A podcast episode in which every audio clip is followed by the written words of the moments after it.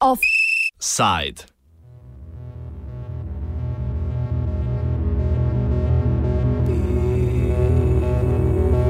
Spuszczenie balonu.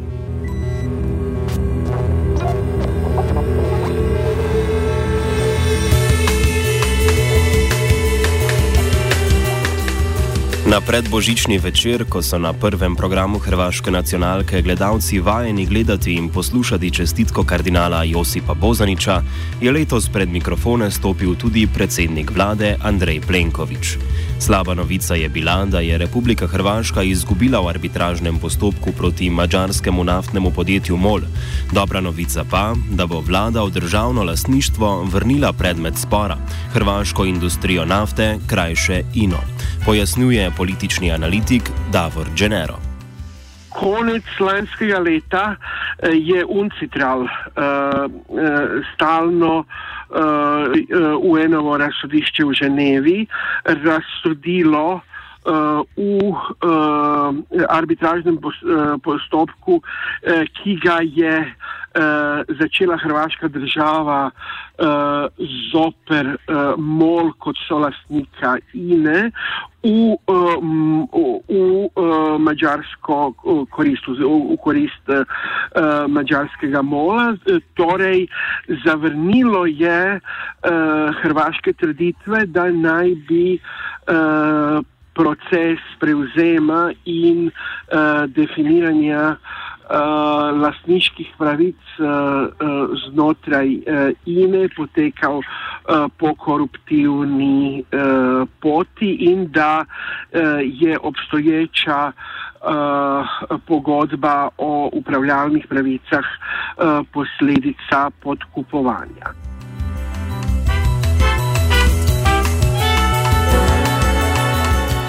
Plenkovičevo napoved so podprli tako v vladi kot tudi v opoziciji. Javnost cita sumljivih privatizacij in tujih lastnikov je prav tako zajadrala na vetru ekonomskega nacionali nacionalizma. Kako da ne, ko pa je premijer obljubil, da bo do odkupa 47-odstotnega molovega deleža prišlo brez zvišanja javnega dolga.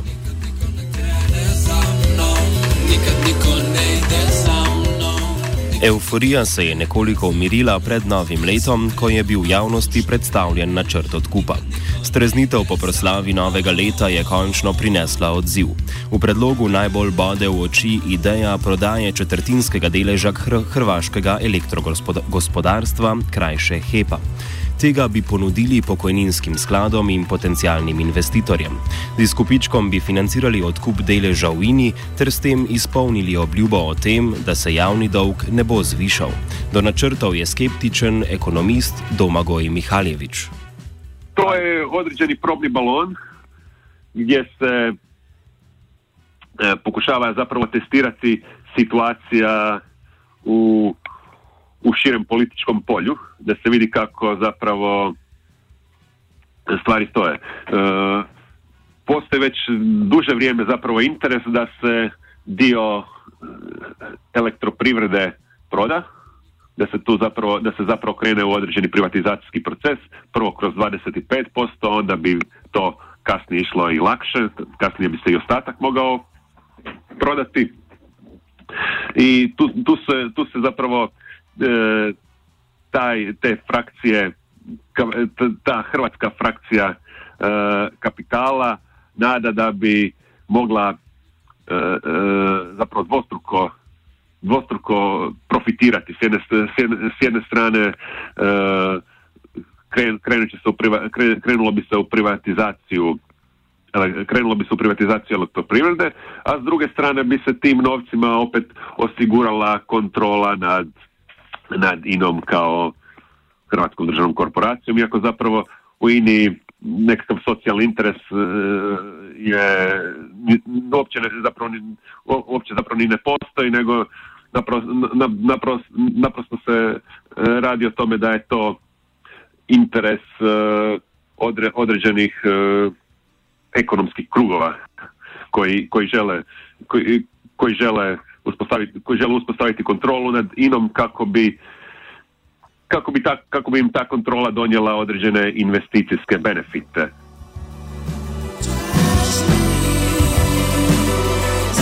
Podobnega mnenja so tudi v sindikatu delavcev HEPA Tehnos. Kljub vsemu pa ostaja njihov predsednik Denis Geto previden in ustraja, da bodo kakršnikoli privatizaciji močno nasprotovali.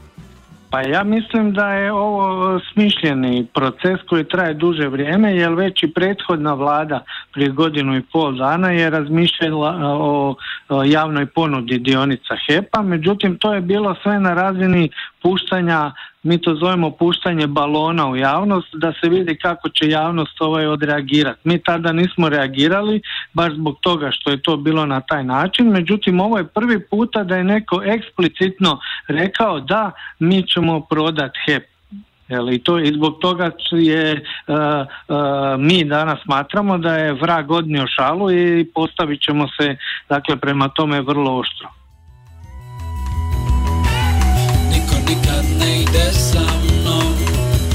Ina je prvič prešla v četrtinsko lastništvo Mola še v času levosredinske vlade Ivice Račana leta 2003. Trenutni skoraj polovični delež in bolj sporno upravljavske pravice pa so si zagotovili šest let kasneje.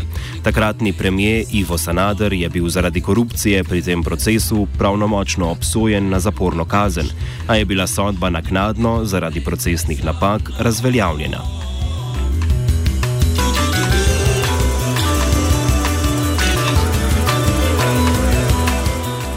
Položaj INE v času njene prodaje opiše Zdenko Mučnjak, predsednik sindikata INAŠ. Planovi vezano za pretvaranje INE u jednu regionalnu kompaniju postoje još od krajem 90. godina, tamo početkom 2000. U tom vremenu e, su INA i MOL, e, ako već ne bile podjednake kompanije, INA je čak bila i jača kompanija koja je u stvari mogla ravnopravno se natjecati sa MOLom Međutim, e, nakon ulaska 2003. MOL je iskoristio svoju poziciju e, suvlasništva koje nije proizlazilo iz 25% e, vlasništva nego iz mogućnosti 50% upravljanja INOM, a pogotovo nakon 2009.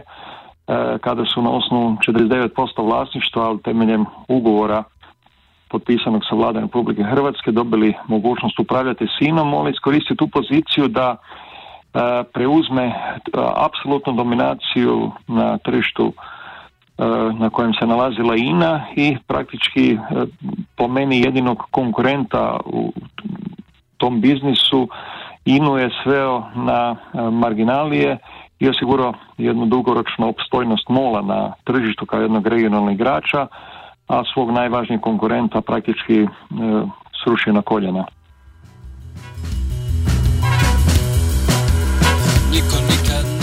Slabo desetletje molovega lastništva je ino znatno oslabilo. Padec cen nafte in nezainteresiranost upravljavcev za vlaganje v razvoj pomeni, da je ina danes dosti šipkejše podjetje, kot je bilo v času prodaje. INA je uh, vertikalno integrirana naftna kompanija. Što to znači? Znači da ima uh, sve segmente od uh, znači istraživanja i proizvodnje pa do prerade pa do prodaje, znači jedna, jedna zaokružena cjelina je bila koja se vremenom upravljanjem od strane mola urušila.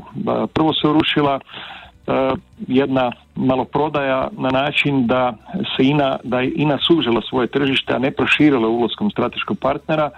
Znači, e, prije toga je imala i za vrijeme još prije 90. godina, znači pokrivala je e, područje cijele Jugoslavije pa i malo šire nakon e, političkih promjena e, INA se ipak svela na, na jedan uži prostor, znači izgubila je tržište Srbije, međutim na ostalim tržištima još uvijek djelovalo, ali nakon ulaska MOLA INA se praktički e, svela na, na hrvatsko tržište, a to hrvatsko tržište je praktički premalo za kapacitete koje je imala kroz rafinerijske svoje mogućnosti a samim time znači došlo do urušavanja rafinerijske prerade i, i u ovom momentu nažalost čak i do potrebe za jednom od rafinerija, ali samo kao posljedica smanjenja tržišnog udjela naftnih derivata.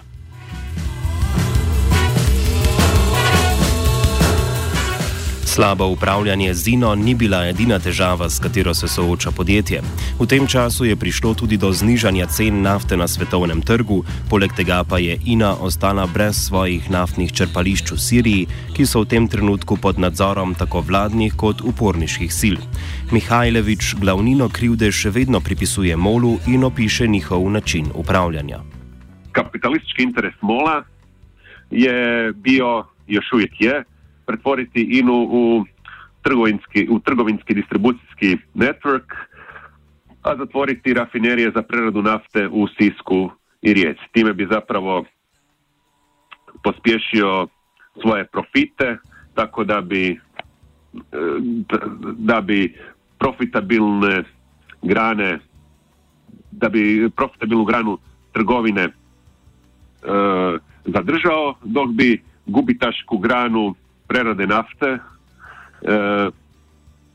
zatvorio. To je stvorilo dva problema za Hrvatsku državu. Prvi je socijalni problem, zato jer zatvaranje rafinerija u Sisku, a onda kasnije i u Rijeci, e, vodi do nezaposlenosti, vodi do pobune većeg broja radnika, što stvara ozbiljan politički problem. A drugi je ekonomski problem, jer onemogućava realizaciju e, e, kooperacije u pogledu investicija između e, hrvatskog hrvatskih Hrvatske, hrvatske frakcije kapitala i mađarske frakcije kapitala unutar mola. Sindikalist Mučnjak trditve podkrepi s številkami. INA je jedna devastirana kompanija koja je e, pala što se tiče istraživanja i proizvodnje za više od 50%, što se tiče prerade naftnih derivata također za više od 50%, e, eventualno kroz prodaju naftnih derivata ostalo neki četiri, znači na nekih 60%.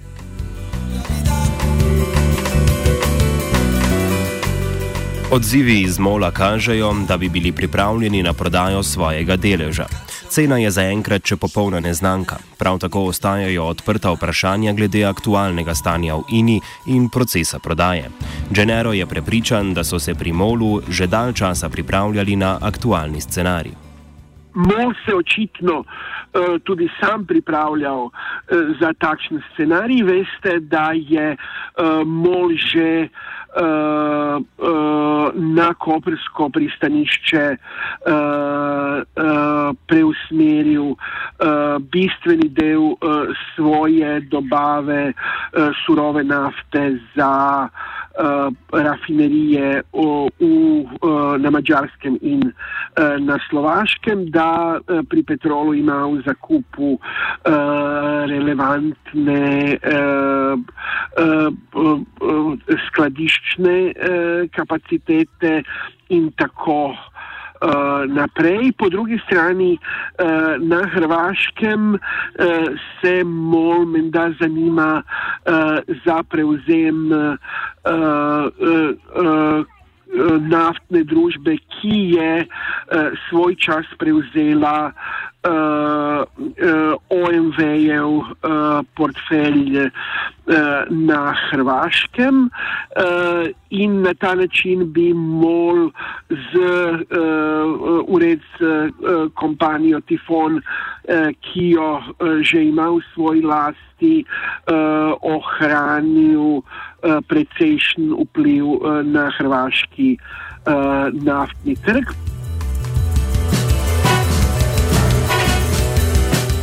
Popularnost odločitve med hrvaško javnostjo Mihaljeviča ne preseneča, a hkrati opozarja, da hrvaški državljani niso zmagovalci te zgodbe.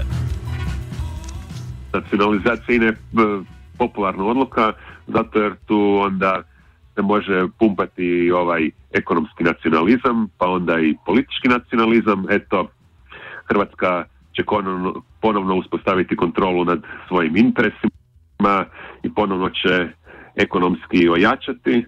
Pritom se dakle zanemaruje da unutar tog hrvatskog nacionalnog interesa, nacionalnog interesa postoji ozbiljni klasni sukob, klasni sukob između hrvatskih kapitalista i hrvatskih radnika, jer radnici i kapitalisti nemaju isti interes. Dakle, nacionalizacija INE nije hrvatski interes, nego je to interes hrvatskih kapitalista, od kojeg će tek posredno u određenoj mjeri profitirati i radnici zato jer neće dobiti otkaz. Ali u osnovi to je zapravo e, potez kojim e, hrvatska frakcija kapitala ima najviše koristi.